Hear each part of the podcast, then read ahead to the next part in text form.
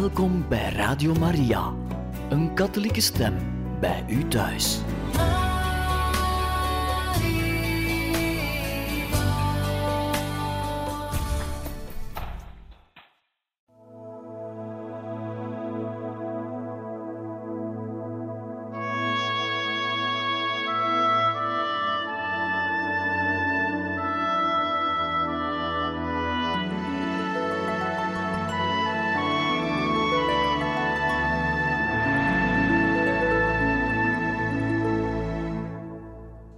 Beste luisteraars van Radio Maria, in dit programma lezen wij voor uit het boek Don Bosco van Teresio Bosco en we zijn gekomen bij hoofdstuk 16.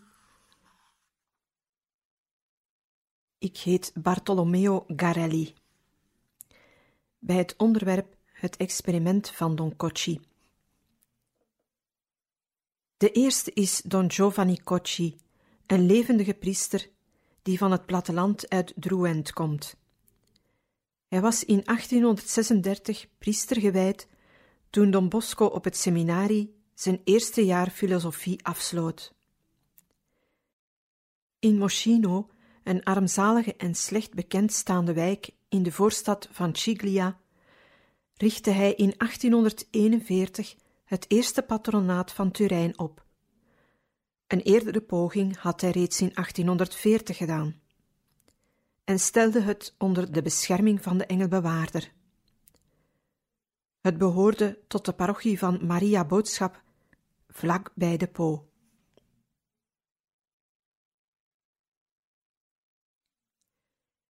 Don Cocci is een geniaal en gevoelig man met briljante ideeën en grote initiatieven maar hij mist de standvastigheid en de vooruitziende blik van de organisator. Hij heeft liberale ideeën en neemt een kritische houding aan tegenover de politieke lijn van zijn aartsbisschop en van de paus. Dat maakt hem verdacht, niet tegenstaande het feit dat zijn actieve liefde schril afsteekt tegen de passiviteit van veel andere geestelijken. In 1849-50 wordt hij een der stuwende krachten van het liefdewerk voor de arme en verlaten jeugd. Later van het Collegio degli Artiglianelli, van het patronaat San Martino en van de landbouwkolonie van Moncuccio. Alles en altijd een behoeve van de jongeren en van de minst bedeelden. Samen met Don Cocci begonnen ook andere priesters onder de jongeren te werken. Ze werden vrijgesteld van het parochiewerk. Vele van hen waren leerlingen of oud-leerlingen van het convict. Ze hielden contact met elkaar en wisselden hun ervaringen uit. Don Cafasso zelf, zo schrijft Don Bosco, gaf in de zomermaanden elke zondag catechismusles aan jonge metselaars in een zaaltje naast de sacristie van de Sint-Franciscus van Assisi-kerk. Maar door drukke werkzaamheden was hij genoodzaakt dit hem zo dierbare apostolaat op te geven. Toen Don Bosco aan de opleiding in het convict begon, was ook hij meteen de straat opgegaan. Hij vond er wantrouwen en vijandigheid, maar ook jongens die hem aardig vonden. Ik kende een stel jongetjes die mij volgden door straten en pleinen, tot in de sacristie van de kerk van het opleidingsconvict toe. Don Cafasso wilde hem zijn catechismusles aan de jonge metselaars laten voortzetten, maar na de beklemmende ervaring in de gevangenis dacht Don Bosco aan iets dat nog belangrijker was. Hij wilde, zoals hij Don Cafasso vertelde, een centrum oprichten waar jongens die door hun familie in de steek waren gelaten, een vriend zouden vinden, waar jonge ex-gevangenen op hulp en steun zouden kunnen rekenen. Een centrum zou niet alleen zondags open moeten zijn voor de catechismusles, maar zou de hele week door een trefpunt moeten zijn voor vriendschap, hulp en meer contact op het werk. Een wees gegroet om te beginnen. Het schuchtere begin van dit werk, dat bijna alle wezenlijke elementen van Don Bosco's patronaat bevatte, had plaats op de morgen van 8 december 1841. In hetzelfde jaar van Don Cocci's eerste patronaat in Turijn en 35 dagen na Don Bosco's aankomst in het convict.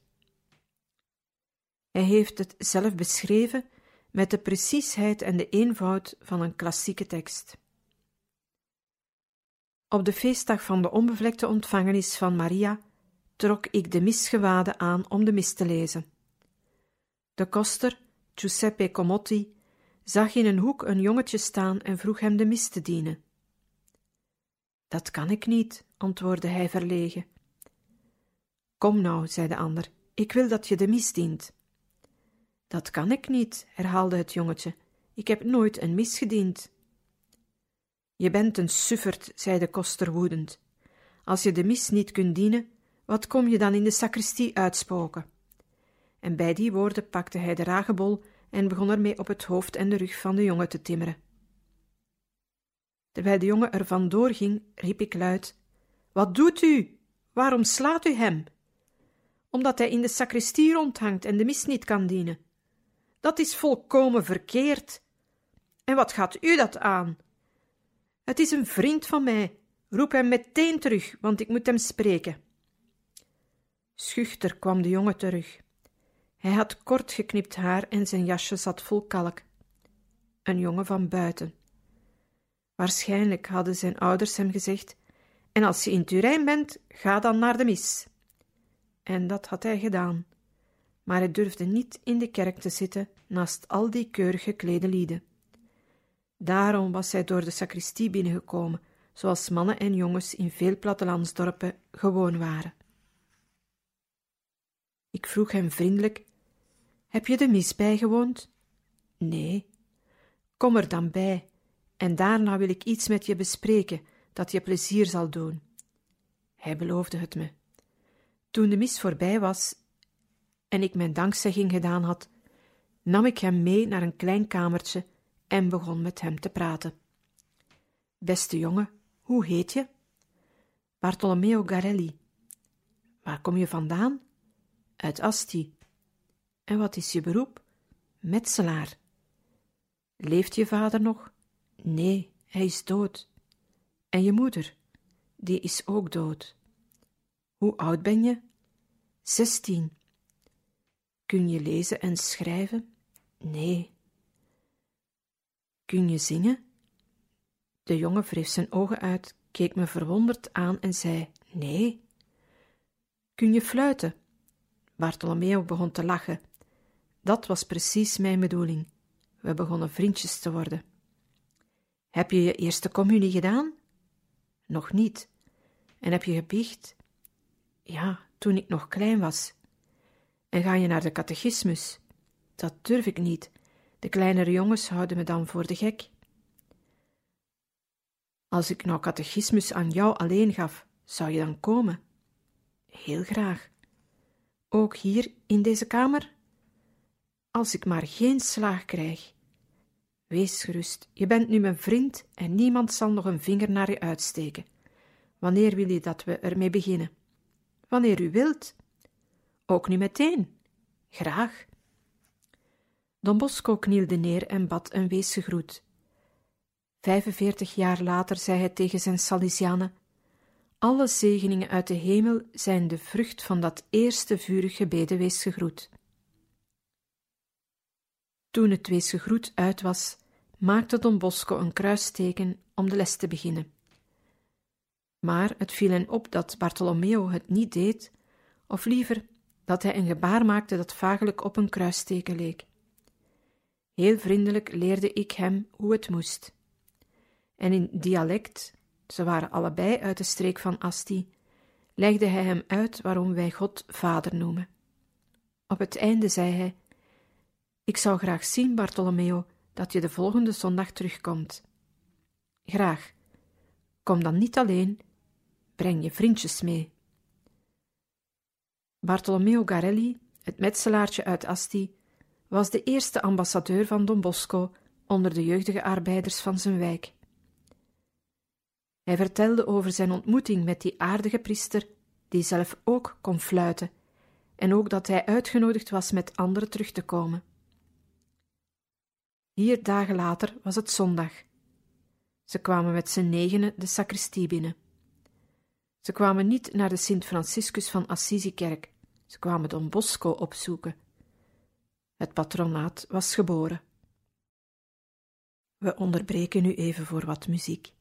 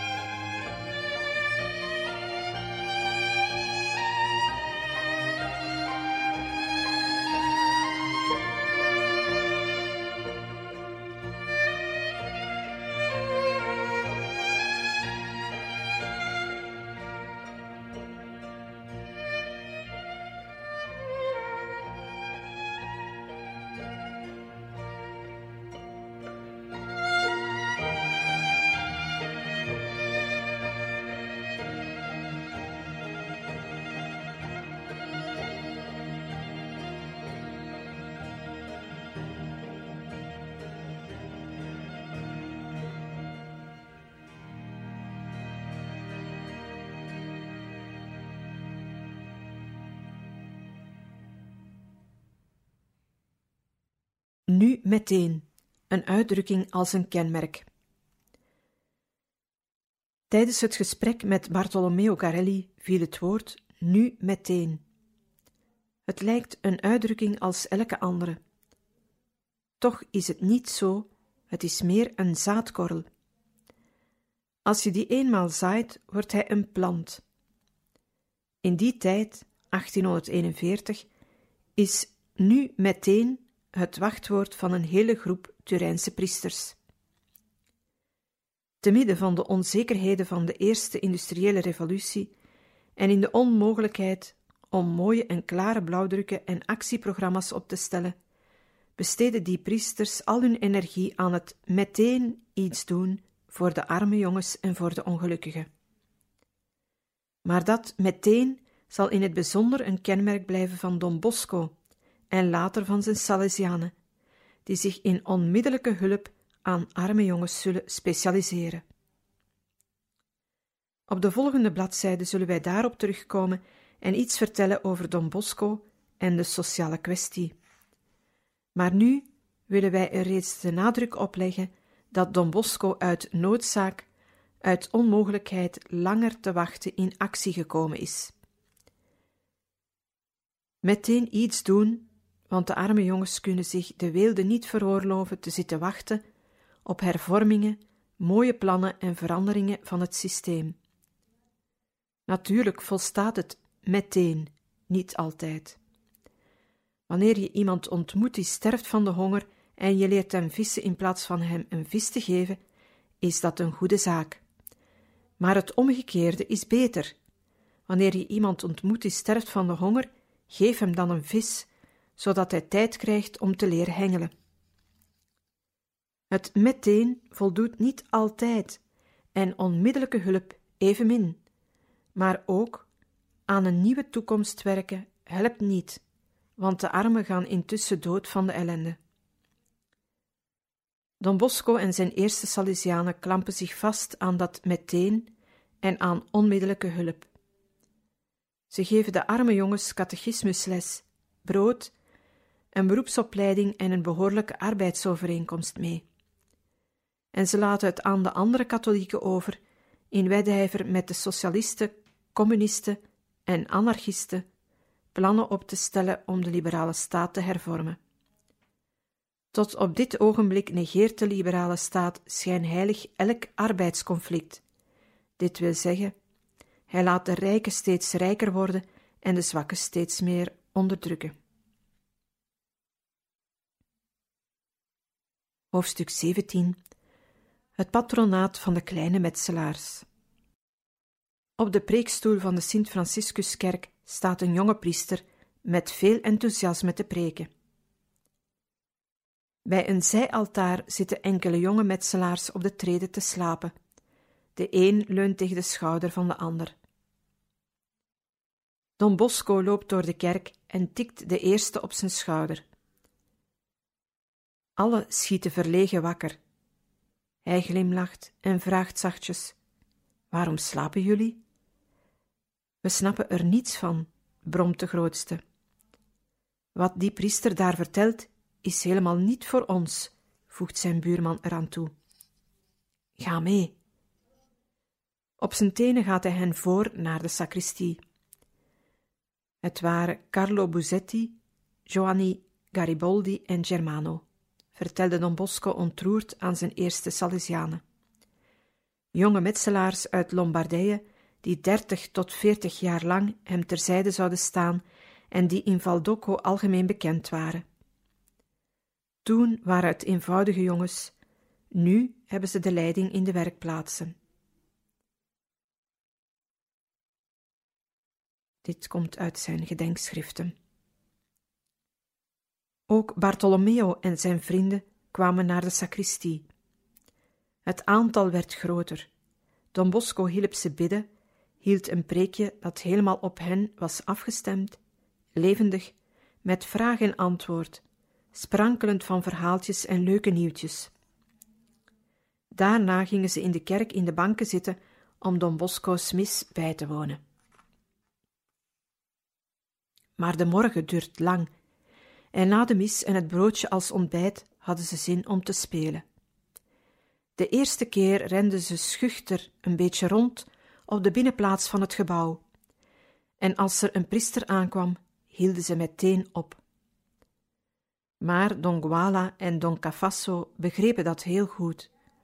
Ze gaven hun formele toestemming dat Don Bosco's jongens elke zondag op de binnenplaats mochten spelen. Die toestemming hebben ze drie jaar lang nooit ingetrokken. Al waren er in het begin maar een vijftiental jongens, terwijl het er naderhand 25 en in de zomer zelfs 80 werden. Voor de twee priesters betekende dat elke zondag afzien van hun rust en van het middagdutje. Tachtig jongens onder je ramen kan de eerste keer wel een concert zijn, maar bij de tiende keer staan je zenuwen op springen. Heilige prentjes en broodjes.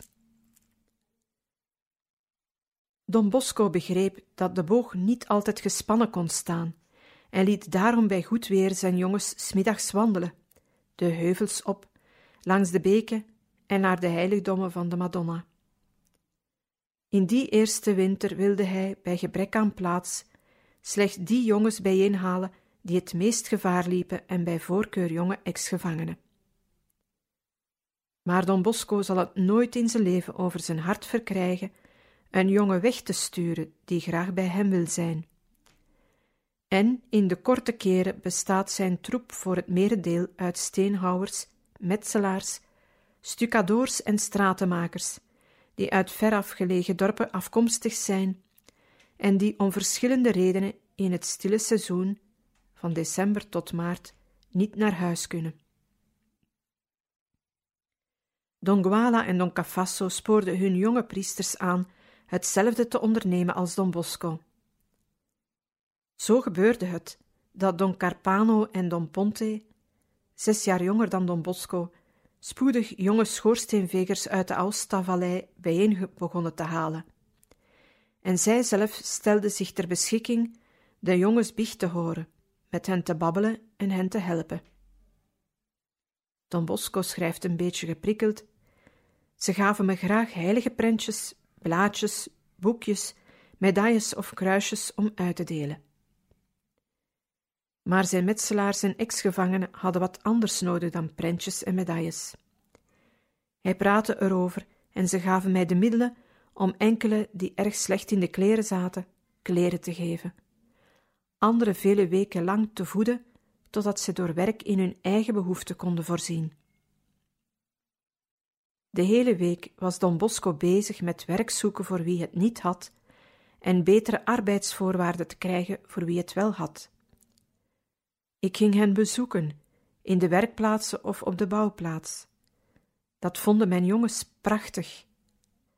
Ze merkten dat een vriend zich om hen bekommerde. Het viel ook in goede aarde bij hun patroons, die graag jongens in dienst namen die de hele week en tijdens hun vrije dagen geholpen werden. De zorg voor de ex-gevangenen was het moeilijkste probleem. Hij probeerde ze afzonderlijk bij een eerlijke baas te plaatsen en ging ze in de loop van de week opzoeken. De resultaten waren goed.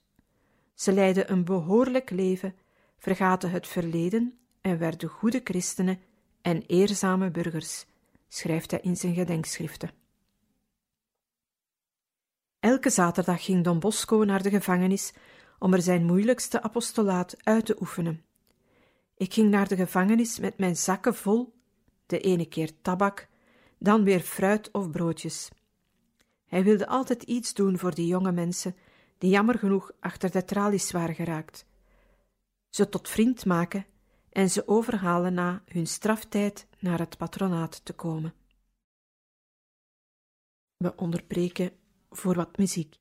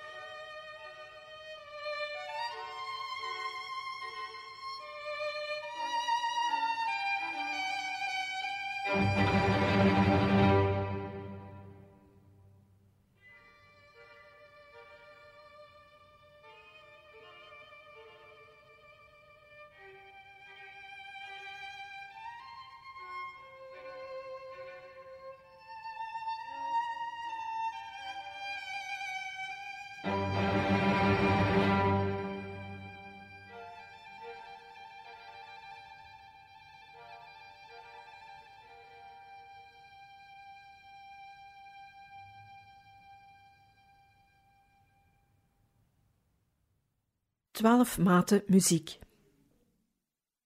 2 februari 1842. Het was het feest van onze lieve vrouw Lichtmis, toen een verplichte feestdag. Don Bosco heeft zijn 25 jongens leren zingen. Zonder muziek, schrijft hij, waren onze feestelijke bijeenkomsten een lichaam zonder ziel gebleven.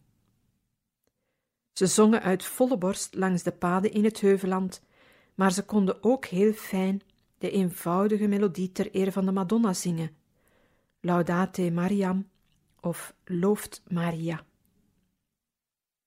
Tijdens de plechtigheid van lichtmis keken de mensen verwonderd naar die 25 boefjes die zo mooi zongen en zo aardig waren. Dat korte Maria-lied, twaalf sobere maten, waait over van patronaat tot patronaat en van de ene Salesiaanse school naar de andere.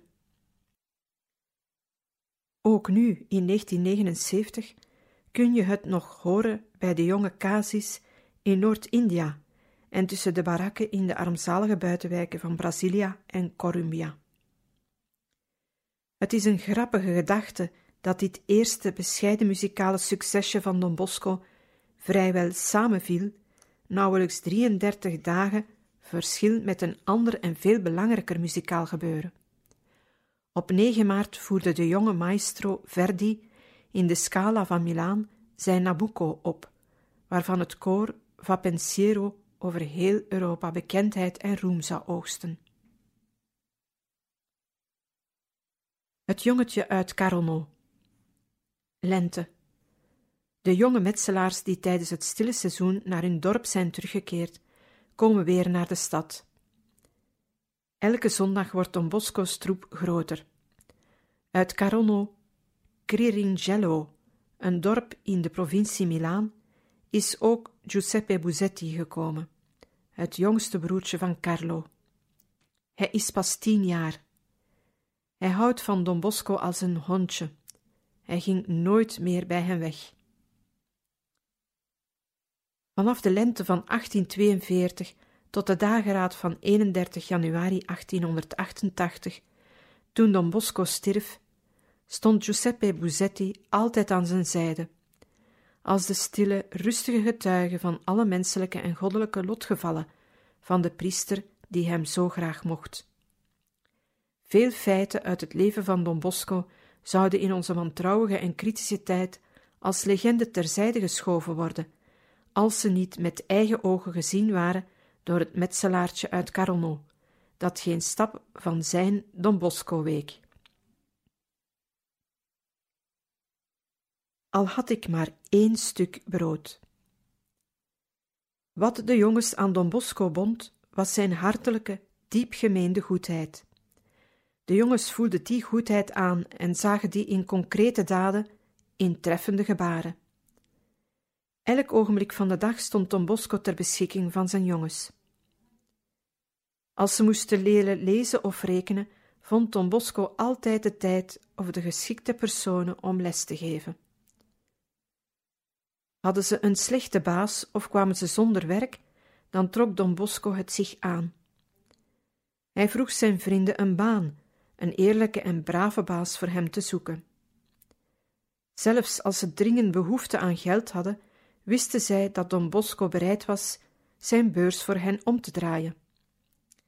Als ze een beroerde dag hadden, zeiden ze tegen hem: Kom even naar mij toe. En Don Bosco ging erheen. Hij ging naar de fabriek, naar de bouwplaats. Hem zien, met hem praten was een ogenblik vertroosting. Een zin die velen hebben gehoord en die ze in hun hart als een schat blijven bewaren, luidde: Ik mag je zo graag. Als ik maar één stuk brood had, zou ik het met jou delen. Wanneer hij iemand een standje moest geven, deed hij het nooit in tegenwoordigheid van anderen om hem niet te vernederen. En als hij iemand iets beloofd had, was hij bereid door het vuur te gaan om die belofte gestand te doen. In die jaren hebben veel priesters zich voor het welzijn van de arme jongens ingezet. Hun houding had een gemeenschappelijk kenmerk dat wij echte hartelijkheid zouden kunnen noemen. Men behoeft het reglement van de heilige Ludovico Pavoni en de opvoedkundige handleidingen van de broeders van de christelijke scholen maar te lezen. Daar staat duidelijk: ga liefdevol om met de jongens, maar laat ze niet te luid praten of luidruchtig zijn.